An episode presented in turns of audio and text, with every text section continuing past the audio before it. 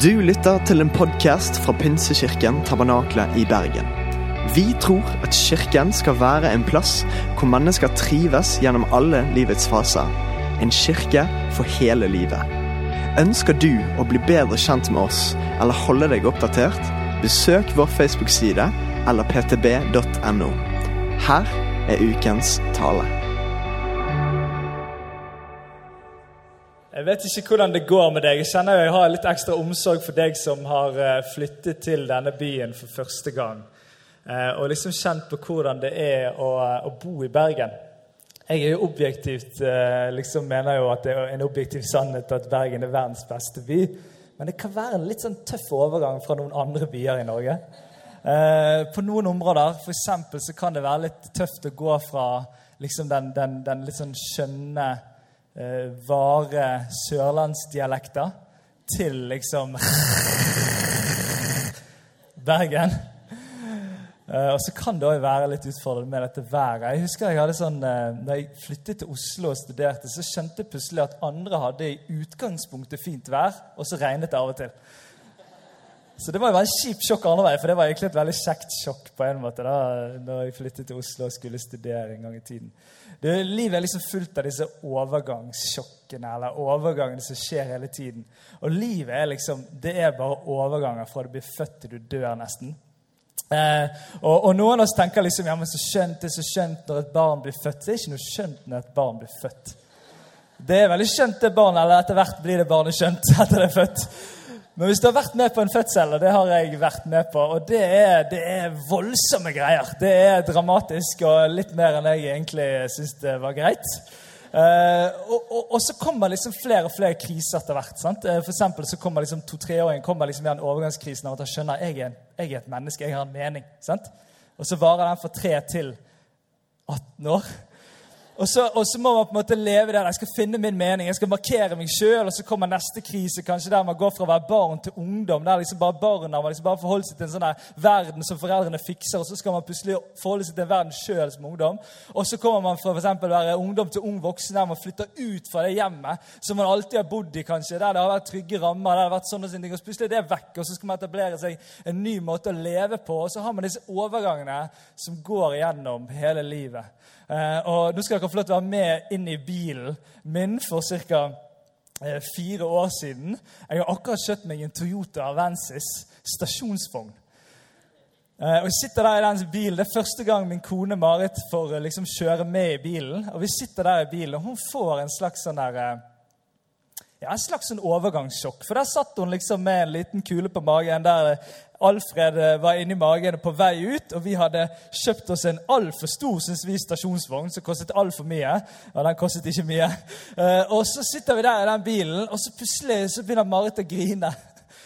Og Det hadde jo ingenting med at hun gren hele tiden når hun var gravid. Men, men hun, hun, liksom begynner sånn herre Oi, nå er livet over! og, og, og, hun liksom begynner å si ja, vi kan aldri reise igjen, og vi kan aldri gjøre det igjen. og liksom, Nå er liksom denne fasen kommer, og vi har liksom alt er over. Og jeg liksom prøvde å si ja, vi har jo reist ganske mye, da. vi har gjort ganske mye gøy. og liksom prøver å fikse problemer. Men hun bare bryter ut, og det blir bare verre og verre. Hun hadde en slags overgangskrise. sant? Der hun skjønte at nå blir det et nytt liv. Hadde vi visst egentlig hva det kom til, så tror jeg jeg hadde gjort mer enn å grine den, den, den dagen i bilen. Men, men, det er liksom noe med at det der lever man i hele tiden. sant? Det er disse overgangene hele tiden. Og så er det noen ganger disse overgangene at man har valgt seg inn i noe nytt, og så blir dette ja-et man har valgt seg inn i, det blir så fryktelig mange nei. Det blir så fryktelig mange nei til så veldig mange andre ting. Og så kan vi ende opp med at det ja-et vårt blir litt kjipt, nesten. For vi har jo sagt nei til så voldsomt mange andre ting. Og så er det akkurat i disse typer overgangene at vi blir dratt ut på en sånn type indre reise. Der, der, vi liksom begynner å stille spørsmål med mange av de grunnleggende tingene i livet. Der vi begynner å stille spørsmålet valgte jeg egentlig riktig. Ville jeg egentlig dette? Er det dette jeg egentlig vil? Hvordan finner jeg egentlig ut hvordan jeg, hva som gjør at jeg vil ting? Hvem er jeg egentlig? Og så ender man opp i disse tingene, og så kan det ta oss med på en liten sånn svevereise, for noen en ganske lang svevereise, der vi blir ganske sånn Oi, hva er egentlig livet mitt? Hva vil jeg egentlig? Hva, hvem, hvem, skal jeg være? Hva skjer nå, egentlig? For det er noen holdepunkter som kanskje har holdt det der automatisk for deg, så plutselig er de tatt vekk, og så står du der, og så blir du litt forvirret. Og så er det veldig ofte sånn at hvis vi blir lenge i denne svevingen her, så kommer det en eller annen vind som tar deg en eller annen vei. Og Da er det veldig tilfeldig ofte. Da kan det være tilfeldig i forhold til et kollegium man kommer inn i, en eller annen jobb, eller det kan være en eller annen eh, forskjellig setting man kommer inn i, som bare drar deg i en retning. Og så er det ikke sikkert at det var det du egentlig ville, men pga. at man liksom bare blir værende i den der Oi, hva skjer nå-greien, så blir man plutselig Ser man seg sjøl ende opp en eller annen plass. Og så var det ikke sikkert det var der man ville eller skulle ende opp. Det blir litt tilfeldig. Og selv om min kone hadde en slags sorgreaksjon på at vi plutselig etablerte oss. Sant? Vi hadde stasjonsvogn, vi hadde hund.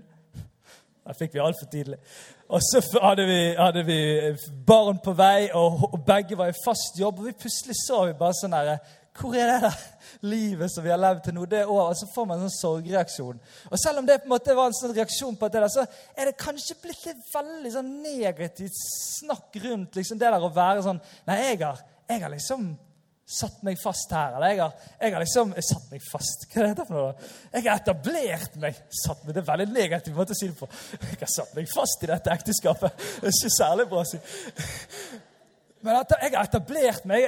Liksom, disse tingene er satt i mitt liv. Jeg har bestemt meg for at sånn er det. på en måte. Og så er det blitt en sånn negativ klang, spesielt i samfunnet vårt. så er det jo sånn her, Nei, det skal du for så vidt ingen sånne ting av. Og så kan det være at ikke det er så veldig bra for oss mennesker. Eh, og så kan det være at det fins noen sånne evige holdepunkter som vi trenger. Kanskje spesielt trenger vi det. Jeg tror vi trenger det hele tiden, men kanskje spesielt merker vi at vi trenger de i noen sånne overganger. Som ikke alltid kan trenger å handle om en by fra en annen, men det kan handle om overganger i forhold til hva, hvordan man kjenner at man er, hva ting man tenker på, hvilke ting som treffer livet. Det kan være så mye forskjellig, og så kan man bli hevet ut i det. Og så er mitt spørsmål om det fins noen sånne evige holdepunkter som kan hjelpe oss. Ikke til å liksom sette oss fast et sted for å være der liksom hele tiden og ikke kunne liksom se en utvikling, og sånne ting, men som kan på en måte holde oss i noe godt, i noe som er bra for oss, og som ikke da forsvinner plutselig bare fordi at plutselig var det noe som forandret seg, men som står fast. Og Vi skal gå ut ifra to bibelsteder sammen. Jeg skal lese begge to etter hverandre. Um, um, og Det første det står i Hebreabrevet 10, 23-25. Dette er en av mine oh, Jeg er veldig glad i dette verset. altså. Det er ikke lov å si favorittvers, da. Sa det ikke. La oss holde urokkelig fast ved bekjennelsen av håpet. For Han som ga løftet, er trofast. La oss ha omtanke for hverandre, så vi oppgløder hverandre til kjærlighet og gode gjerninger. Og la oss ikke holde oss borte når menigheten vår samles, som noen har for vane. La oss heller oppmuntre hverandre, og det er så mye mer som dere ser at dagen nærmer seg. Og så skal vi lese Efesene 3, 16-21. Og Det er Paulus som skriver ned en bønn som forteller sannheter om hvem Gud er og vi er. Derfor bøyer jeg mine knær for Far, Han som har gitt navn til alt som kalles Far i himmel og på jord. Må Han som er så rik på herlighet, gi deres indre menneske kraft og styrke ved sin ånd må Kristus ved troen bo i deres hjerter, og dere står rotfestet og grunnfestet i kjærlighet. Må dere sammen med alle de hellige bli i stand til å fatte bredden, lengden, dybden, høyden. Ja, kjenne Kristi kjærlighet som overgår all kunnskap. Må dere bli fylt av hele Guds fylde. Han som virker i oss med sin kraft og kan gjøre uendelig mye mer enn det vi ber om og forstår. Han være ære i Kirken og i Kristus Jesus gjennom alle slekter og evigheter. Amen. Du kan gjerne avslutte det jeg sier amen, og så sier du wow. Amen. Ja, For det er liksom verdt en wow. det der, altså.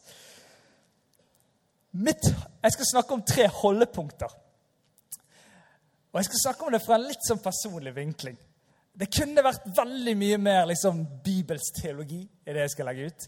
Men jeg har kjent for at jeg skulle dele litt sånn erfaringsmessig, og ting jeg har sett, samtidig som at det helt klart mener jeg at det begynner ut i disse versene jeg har lest, og i den Bibelen vi leser i. Men jeg har valgt å bruke litt mer tid på det andre, så er du klar over det, du som kanskje har lyst til å arrestere meg på at det blir litt mer personlig enn det blir Bibel akkurat denne søndagen her. Det er masse Bibel allerede, altså, så ikke vær redd. Det er veldig bra. Holdepunkt nummer én, det er Gud. Wow. Eh?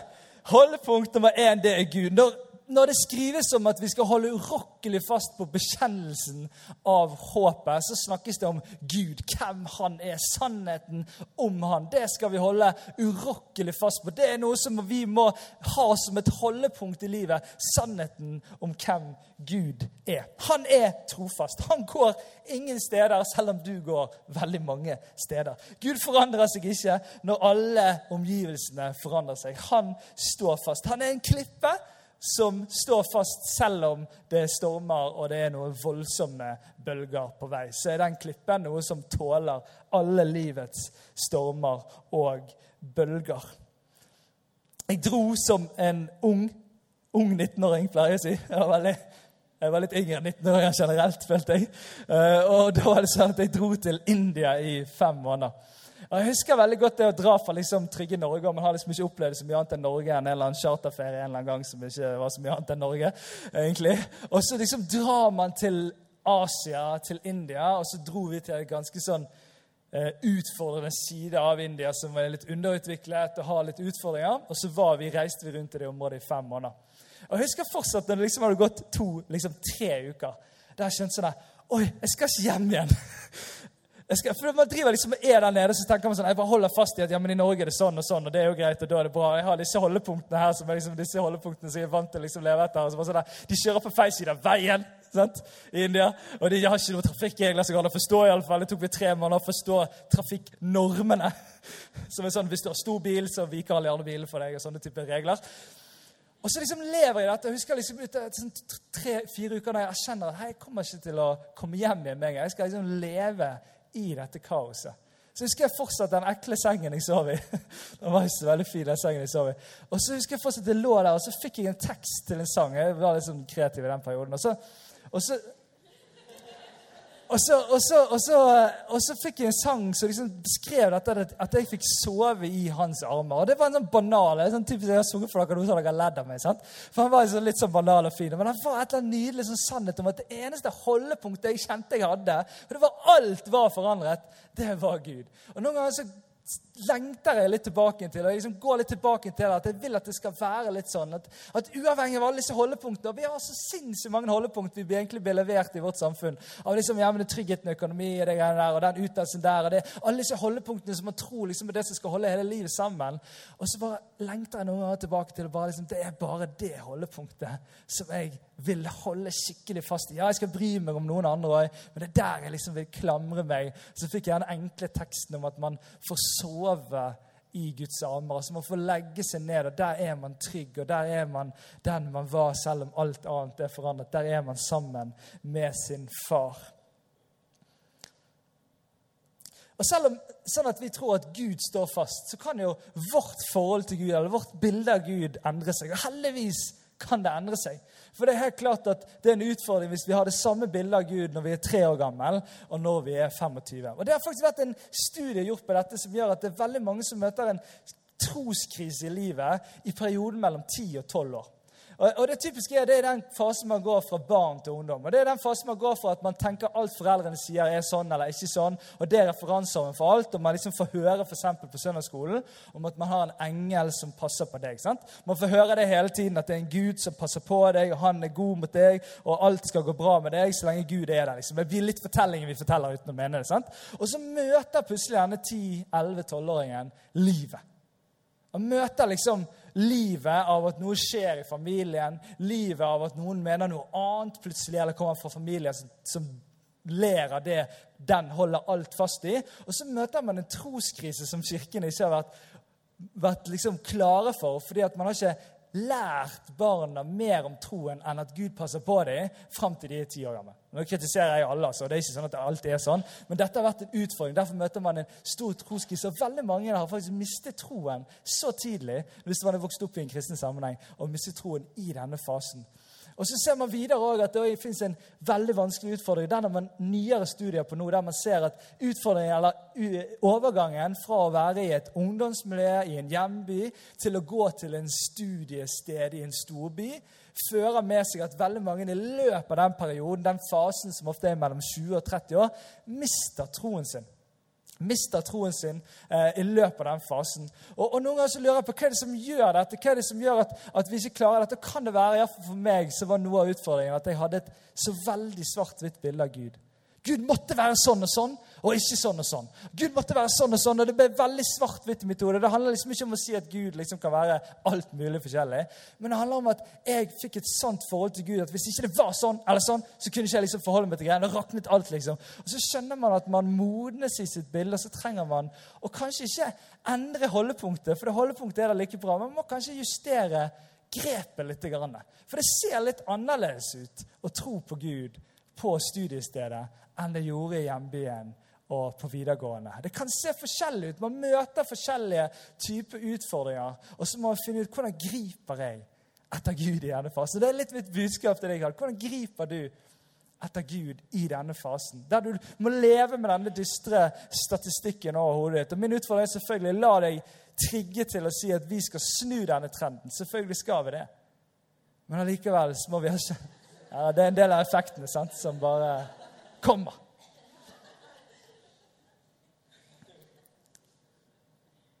Kan vi snu denne trenden? Og da tror jeg vi må finne ut Kanskje må vi nødt til å justere grepet litt. Kanskje har du vært student en stund allerede og tenkt at ah, det er ikke lett. Jeg kjenner på greiene. Hvordan skal jeg liksom klare den lunsjsamtalen når vi alltid må snakke om hva vi har gjort i helgen, og jeg skal være tøff og nevne kirken, og så blir det den samtalen som jeg ikke føler meg klar for, eller som ikke går alltid den veien som jeg skulle ønske. Hvordan finner man og justeringen dette gripepunktet, så dette holdepunktet holder gjennom en sånn tid?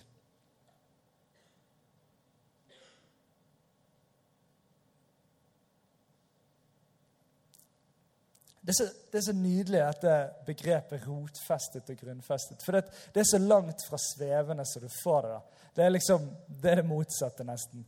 Men jeg ser fortsatt for meg dette sinnssykt høye treet som er rotfestet, som har slått rot. Som samtidig svaier litt når veien kommer, liksom. Det, det, er plass for, det er plass for litt undring. Det er plass for å tenke Oi, her stilles det spørsmål med en sannhet som jeg har tenkt at liksom man ikke kan stille spørsmål med engang. Det er plass til litt svaiing når man har et godt holdepunkt i Gud. Gud tåler våre reiser i tro, våre tvilspørsmål, våre, våre angrep eller frustrasjon på at noe ble som det ble. Det, det, det, er rom for litt svaiing, men når liksom holdepunktet er tydelig, da fører ikke den svaiingen til at man knekker på midten, eller at røttene rives opp.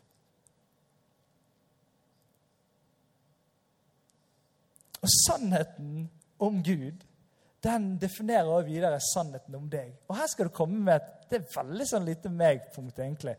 Men det er sånn, neste holdepunkt, altså holdepunkt nummer to, det er deg. Det er du. Du er holdepunkt nummer to. Frasen 'å finne seg sjøl' fnyser mennesker av i dag. For den har blitt liksom brukt opp. Det er en klisjé. Ingen snakker om å finne seg sjøl. Alle snakker om å være seg sjøl. Det er en veldig interessant spenning mellom de to tingene.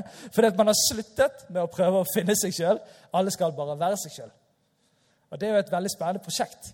For det fins en viss god sammenheng mellom å finne seg sjøl og da kunne være seg sjøl. Så vi lever i et samfunn der alle får beskjed om å være seg sjøl, men man har liksom gått litt vekk fra dette å finne seg selv. Det er sånn teit greie, eller, eller, Det kan være jeg liksom ikke følger med i tiden, her, da, men jeg, jeg, opplever at det er litt sånn smak på det å finne seg sjøl-greiene. Og Jeg er heller ikke så veldig glad å snakke om å finne seg sjøl i en kristen setting. Samtidig så tror jeg det fins noe med å finne ut av hvem man egentlig er. Hvem er du egentlig?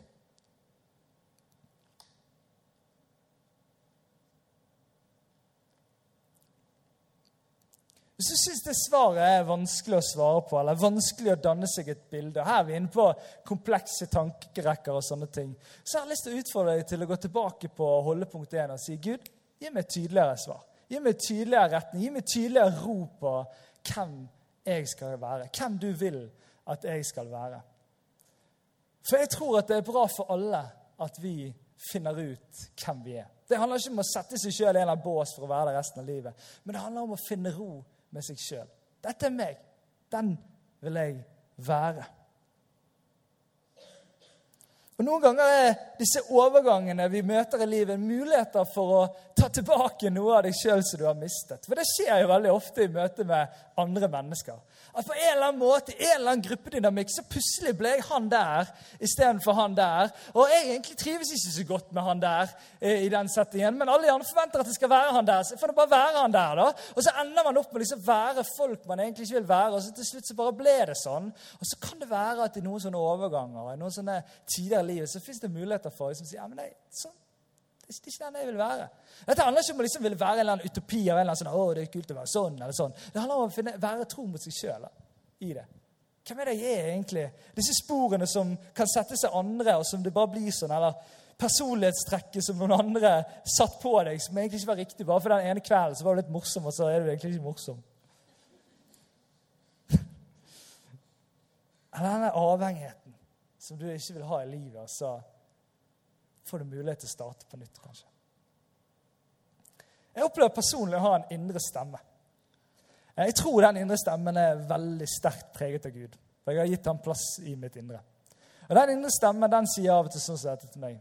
André, det der er ikke deg. Det der er ikke deg, André. Du gjør ikke sånn. Av og til er det Marit som er den indre stemmen. Og, og av og til er det Gud. Men jeg tror at det handler noe om at man kjenner at her er jeg på akkord med den jeg egentlig vil være. Her møter jeg noe. Her, her oppfører jeg meg på en måte. Her sier jeg noe. Her, her gjør jeg noe. Her, her, er jeg annerledes av en eller annen grunn pga. noe utrygghet eller et eller annet. Sånn, sånn er ikke du, André. Kanskje denne stemmen skal få lov til å vokse litt. Jeg elsker det han sier i bønnen sin over våre liv.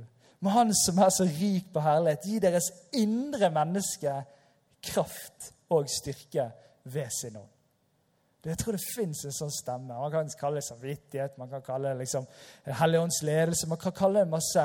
Men jeg tror at det fins en sånn indre stemme som av og til sier fra til oss. Og jo mer vi liksom dropper å høre på han, jo svakere blir den stemmen noen ganger. La oss lytte etter den stemmen noen ganger. Iallfall når man står i noe sånn her, der man kjenner her, her, her er et eller annet. Ikke helt sånn som det skal være her. Mm, mm. Så vi lytter. Hva er det hva er det er her på innsiden? Min far han sa det til meg når jeg skulle på fest en gang som ungdom. Så sa han, 'Følg hjertet ditt, gutten min'. Og, og det, det, det, er jo sånne ting som sånn, Alle tenker at hjertet er følelsene, sant? og de hopper opp og ned og sjoer Men hjertet er ikke følelsene. Hjertet er det indre av hvem du er. Min far står der og sier, 'Hei, jeg, jeg har sett noe i deg, gutten min.' Husk, husk på den som du er.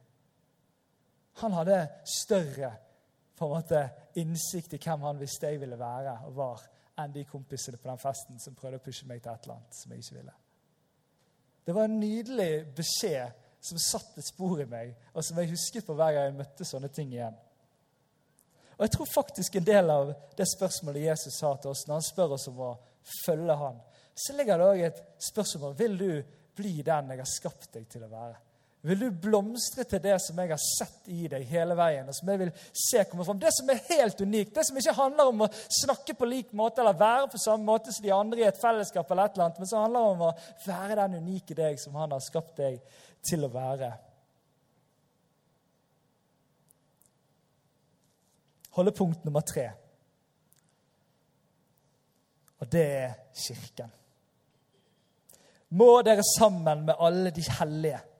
Må dere sammen med alle de andre som tror. De som har blitt helliggjort helt ufortjent. Ikke fordi de kan så mye mer, men fordi jeg har valgt det ut, sier Gud. sant? De som har tatt imot meg, de hellige. Må du sammen med alle de andre kristne fatte fatte bli i stand til å fatte bredden og lengden, høyden og dybden. Ja, kjenne Kristi kjærlighet som overgår all kunnskap. Må dere bli fylt av hele Guds fylde. Det er dette som ligger i Kirken. Og jeg skal være dønn ærlig med deg og si at jeg har vurdert å droppe Kirken flere ganger.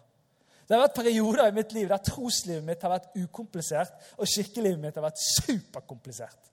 Der har jeg tenkt sånn Kanskje jeg bare dropper denne kirkegreien, og så kan jeg bare leve med denne nydelige, balanserte, fine troen min i et eller annet lite fellesskap eller plass i en eller annen skog. Og så, og så finner, vi, finner vi ut av det. Og så går det greit, liksom. Så slipper jeg å forholde meg til det der voldsomme, komplekse greiene. Alle de menneskene der, og alt det greiene der, og alt det som skjer der. Og, og ja, ingen, ingen kirker er jo akkurat sånn som jeg hadde tenkt heller. Og liksom, alt dette greiene. Helt ærlig tenkt at jeg dropper det, liksom.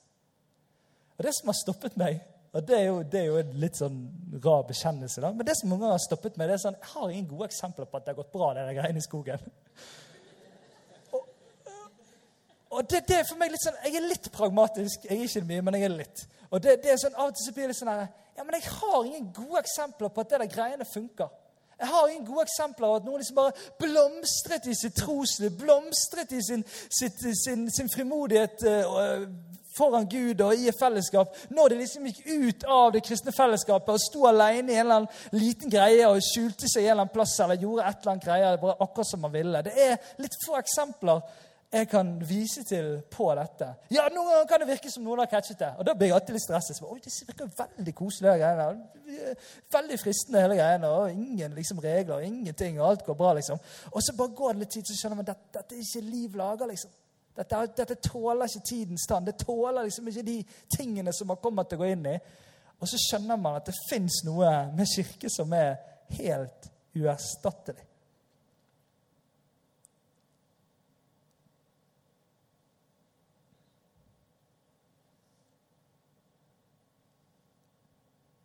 Og når jeg i tillegg ser og har sett hva kirka har betydd for meg, og hva det har betydd og gjort for andre mennesker Jeg hadde en samtale her en dag der det var en som sa noen ord som, som traff meg veldig dypt. Og Da sa denne personen Han sa det egentlig sånn som dette. Det er det eneste holdepunktet mitt nå. Det er Pinsekirken Tabernakle. Det klamrer jeg meg fast til gjennom en tøff tid i livet. Og Når jeg får høre sånne ting, da, så kan jeg tåle himla mye komplekse greier her borte. Med kirken og alle de rare menneskene som ikke er som meg og ikke vil akkurat det samme som meg. Eller alle disse greiene som handler om at man må liksom ha noen systemer og ting og greier. og alt dette. Og Det er ikke bare negativt. sant? Nå, nå setter jeg ting på spissen. sant? Men da kan jeg tåle ganske mye av de tingene hvis jeg vet at dette er faktisk med til å legge til rette for de fortellingene der noen liv reddes der noen liv forandres. Der noen liv går fra én retning som man vet ikke er bra for de andre mennesker, til en ny retning i livet. Da kan jeg tåle ganske så mye. Og da har jeg faktisk valgt å ikke følge impulsene mine av å droppe kirken. Ikke bare fordi jeg hadde mistet jobben, men fordi at jeg tror faktisk ikke at det fins så mange bedre alternativer. da.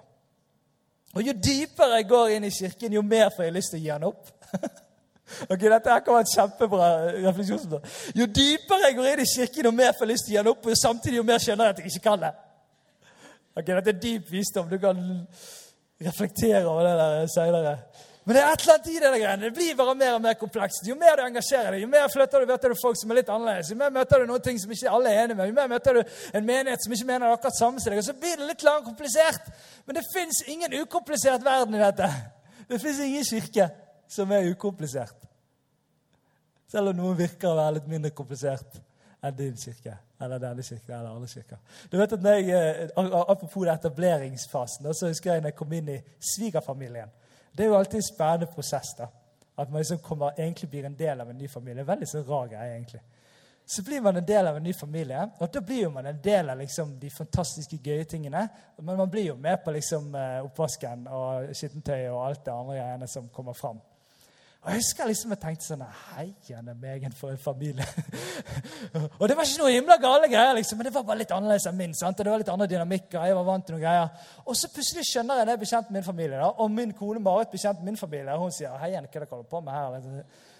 Så Alle familier har sine issues, liksom. Det fins ingen familie som ikke har issues. De du tror ikke har issues, de har issues i alle fall. tenker jeg. Alle har issues, og noen ganger er det faktisk issuesene som gjør familien helt fantastisk òg. Noen ganger er det issuesene i en menighet som gjør at det er noe av det mest fantastiske også med menigheten. Det hører nesten sammen noen ganger. Sånn er det bare det hører med issues med familien. Man skal selvfølgelig ikke tåle alt. Det sier jeg ikke. Det fins noen menigheter du må komme deg vekk fra når noen ting skjer.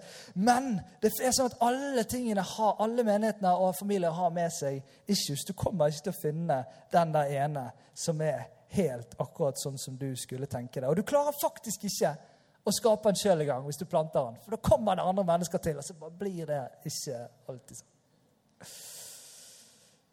Ok, Det fins noen utfordringer i dette holdepunktsdelen som handler om kirke. Den første jeg snakket om, og det er at det fins ingen perfekte familier. Det fins ingen perfekte kirker, og vi må bare liksom finne fred med det. Og så må vi bare være en plass på tross av noen ting og på grunn av noen ting. Sånn er det bare. Det andre issuet i forhold til det å ha en kirke som holdepunkt, det er at man definerer seg sjøl utenfor. Ja, men jeg passer ikke. Det er en veldig vanlig måte for oss mennesker å sette seg sjøl utenfor en sosial eh, gruppe. Det å liksom definere, definere seg sjøl utenfor fordi man kjenner på kanskje usikkerhet. eller man kjenner på et eller annet, Og så sier man ja, men jeg er ikke sånn at jeg passer ikke inn, eller det er ikke plass til meg. Altså Man definerer seg sjøl utenfor. Eh, og Når Paulus skal forklare denne kirke, kirke, liksom, kirkebildet, så bruker han bildet på kroppen av Jesus i hodet. Og så bruker han alle liksom, kirkens medlemmer, for kirken er jo ikke et bygg. eller sånt, Det er alle de som er i fellesskapet. De er de forskjellige kroppsdelene. Og Så begynner han å snakke om en ganske morsom dialog mellom kroppsdelene. Eh, det er for eksempel, eh, der det sies en sånn type at man definerer seg sjøl utenfor. Om nå foten sier altså 2. Korinterne 12, 15-16. Følger dere meg? Ja. Der står det. Om nå foten sier 'fordi jeg ikke er hånd, hører jeg ikke med til kroppen', så er det like fullt en del av kroppen. Om øret sier 'fordi jeg ikke er øye, hører jeg ikke med til kroppen', så er det like fullt en del av den. Og Det er så utrolig typisk at vi i enten frykten for å etablere oss et sted, eller frykten for å ikke kjenne seg nok inkludert, eller hva det skulle være, så ender man opp med å ekskludere seg sjøl. Altså man setter seg sjøl utenfor og sier ja, men jeg er ikke foten, så da kan ikke jeg være mer. Og så setter man seg sjøl utenfor, og så ikke latterliggjør, men han setter det på en måte litt sånn morsom vri på det. sier sånn, Det hjelper ikke å si det hvis man er en del av kroppen. liksom. Da er man en del av kroppen, og så trengs man som en del av kroppen fordi alle delene av kroppen trengs. Og så den andre delen det er at man blir definert utenfor. Der noen i en menighetsforsamling f.eks. sier dette som øyet sier. Øyet kan ikke si til hånden 'Jeg trenger det ikke', eller hodet til føttene 'Jeg har ikke bruk for dere'. Dette er kanskje noe av det vondeste jeg møter i kirkefellesskapet, hvis noen opplever at noen andre har definert de utenfor. Eller på en eller annen måte gitt de en klar opplevelse av at ikke de hører hjemme. Da våkner det noe i meg av en sånn urettferdighet og sinne. Jeg kaller det hellig vrede. Det var sånn Når Jesus veltet mange ting, og sånn, da var han sånn helligsint. Og, og det er sånn at jeg, jeg, kjenner på det noen ganger, for dette berører meg så dypt. For jeg opplever at sånn er det ikke. Det er faktisk ikke sånn at en annen kroppsdel har myndighet til å si at denne kroppsdelen ikke hører til. Ja, noen ganger må vi skjerme noen mennesker for fellesskapet og skjerme fellesskapet for dem. Det, det er sånne deler det har å være et fellesskap når noen mennesker ikke klarer å holde seg innenfor noen ting som de gjør som kan være til fare for andre mennesker. Men det er så radikalt når kroppsbildet brukes på dette, av at når man er en del av kroppen, så er man det. Og Da er det ikke sånn at man sjøl kan definere seg utenfor, og man kan heller ikke bli definert av noen andre. Og Noen ganger tenker jeg at jeg har ikke myndighet som øye å si til hånden. Vi trenger et hode som sier det. Og Hvis du skulle gå til et så drastisk steg av å amputere noen gang, så er det på en måte hodet som bestemmer det. Beklager det bildet.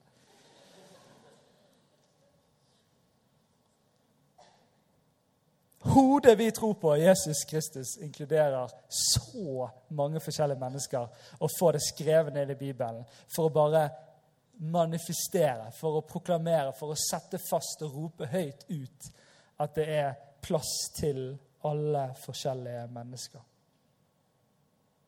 Siste kontinuitetsutfordringen det, Nei, Siste holdepunktsutfordringen det er kontinuitetsutfordringen. Jeg har sjelden møtt noen som har sagt denne setningen her, uttrykt sitt, sin kjærlighet for kirke og det kristne fellesskapet med å si sånn sett Jeg bare elsker Kirken. Det å få komme en gang i ny og ne og kjenne på 1% av potensialet i fellesskapet. Alltid bli hilst på som en av de nye, for det var så lenge siden jeg var der sist. Og slippe å bidra med noe i det hele tatt. Jeg bare elsker det. Det bare gir så mye til troen min. Jeg kjenner jeg vokser i alt i livet akkurat nå. Og Dette er ikke meningen å være stygg med deg på noen slags måte. Jeg bare sier, Her finner jeg heller ikke mange eksempler. Her finner jeg ikke mange fortellinger av at det å være innom et fellesskap, eller det å være bare i berøring med et kristent fellesskap, er liksom the perfect way. For jeg kunne jo av og til ønske det òg. At det liksom var, var, mer enn nok. Da kunne jeg liksom lagt opp litt annerledes, og livet kunne liksom fått en ekstra dag der. og et eller annet liksom. Det, det er jo en fristelse, selvfølgelig, men jeg ser veldig sjelden at det har funket. Det er veldig få historier på det. Kirke blir fort kjipt en gang i måneden. Jeg har en teori om at det blir tyngre å velge å gå den ene gangen til kirke i måneden, når du går en gang i måneden, enn å velge det fire ganger når du går fire ganger i måneden. Dette dette er erfaring òg. Som student i Oslo vi ser det litt rundt, vi var med på team i en kirke. Det var stress hver gang vi skulle opp på denne sofaen og ikke se på en eller annen film og måtte gå til kirke istedenfor. Det er lettere når det blir en del av vanen. Kirke blir fort kjedelig en gang i måneden. For da er man ikke påkoblet. Oi, hva har de snakket om forrige søndag? da? Oi, den nye sangen der, ja. Oi, har de bare nye sanger i den kirken?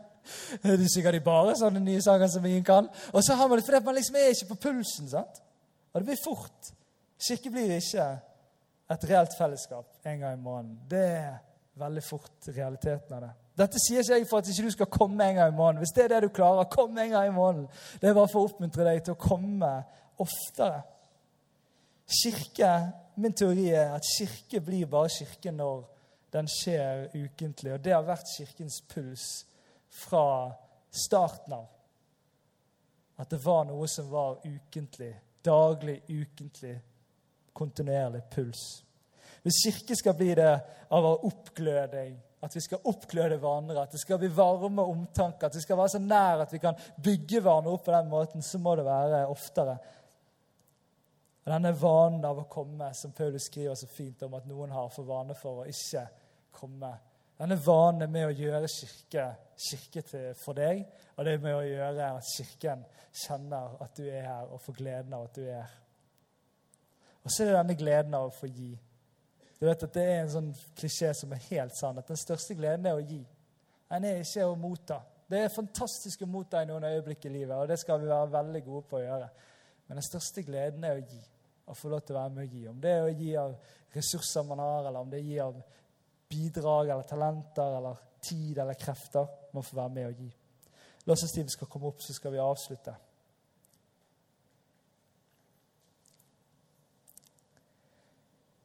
Du vet at livet bringer med seg all slags liv. Sånn er det bare. Uansett hvor bra man prøver å time det, uansett hvor bra man prøver å velge der eller der, eller få ting til, så kommer livet. Og det kommer med sine gode dager, og det kommer med sine vonde dager. Det kommer med de nydelige finværsdagene der det funker, og så kommer det med stormene der det smeller. Og livet bringer også med seg alle slags overganger. Fra barn til ungdom, fra ungdom til voksen. Fra singel til gift. Fra Oslo til Bergen. Fra studentværelse til værelse til jobblivet. Fra en samlet familie til to nye familier. Fra ingen barn til to helt crazy gutter, osv. Hvilke overganger er det du har gjort i det siste? Og hva har de satt i gang i ditt liv? Hvilke overganger, hvilke prosesser har du gått i det siste som har ført til noe annet, eller noe er vekke, og så er man litt sånn Hva skjer nå? Og hva prosesser har det ført til? Jeg har lyst til at dere skal tenke på det i deres indre, snakke med noen om det. Vi skal snakke om det sammen i life-grupper. Snakke om hva er det det har gjort med deg. Hvilke tankerekker har det satt deg ut på? Hvilke prosesser har det satt i gang? Og så har jeg lyst til å si at det er plass til de prosessene og tankerekkene. Men vi trenger noen holdepunkter i livet. Og Der jeg tror på en Gud som er Gud for alle disse dagene og alle disse overgangene. En Gud som kan være det holdepunktet som du kan bygge sterke, det sterke jeget på. Den du er, tryggheten på hvem du er og hvem du vil være. Og det fellesskapet som bygger opp under de to første holdepunktene av å vise oss hvem er Gud. Hele hans bilde. Hvem er han? Hva er han for meg? Og det punktet av, at du får lov til å være den du skal være, og blomstre til å bli den du skal være. Du er ikke skapt til å sveve. Du er skapt til å være grunnfestet og rotfestet i Gud og i fellesskapet. Skal vi reise oss opp, og skal vi be sammen?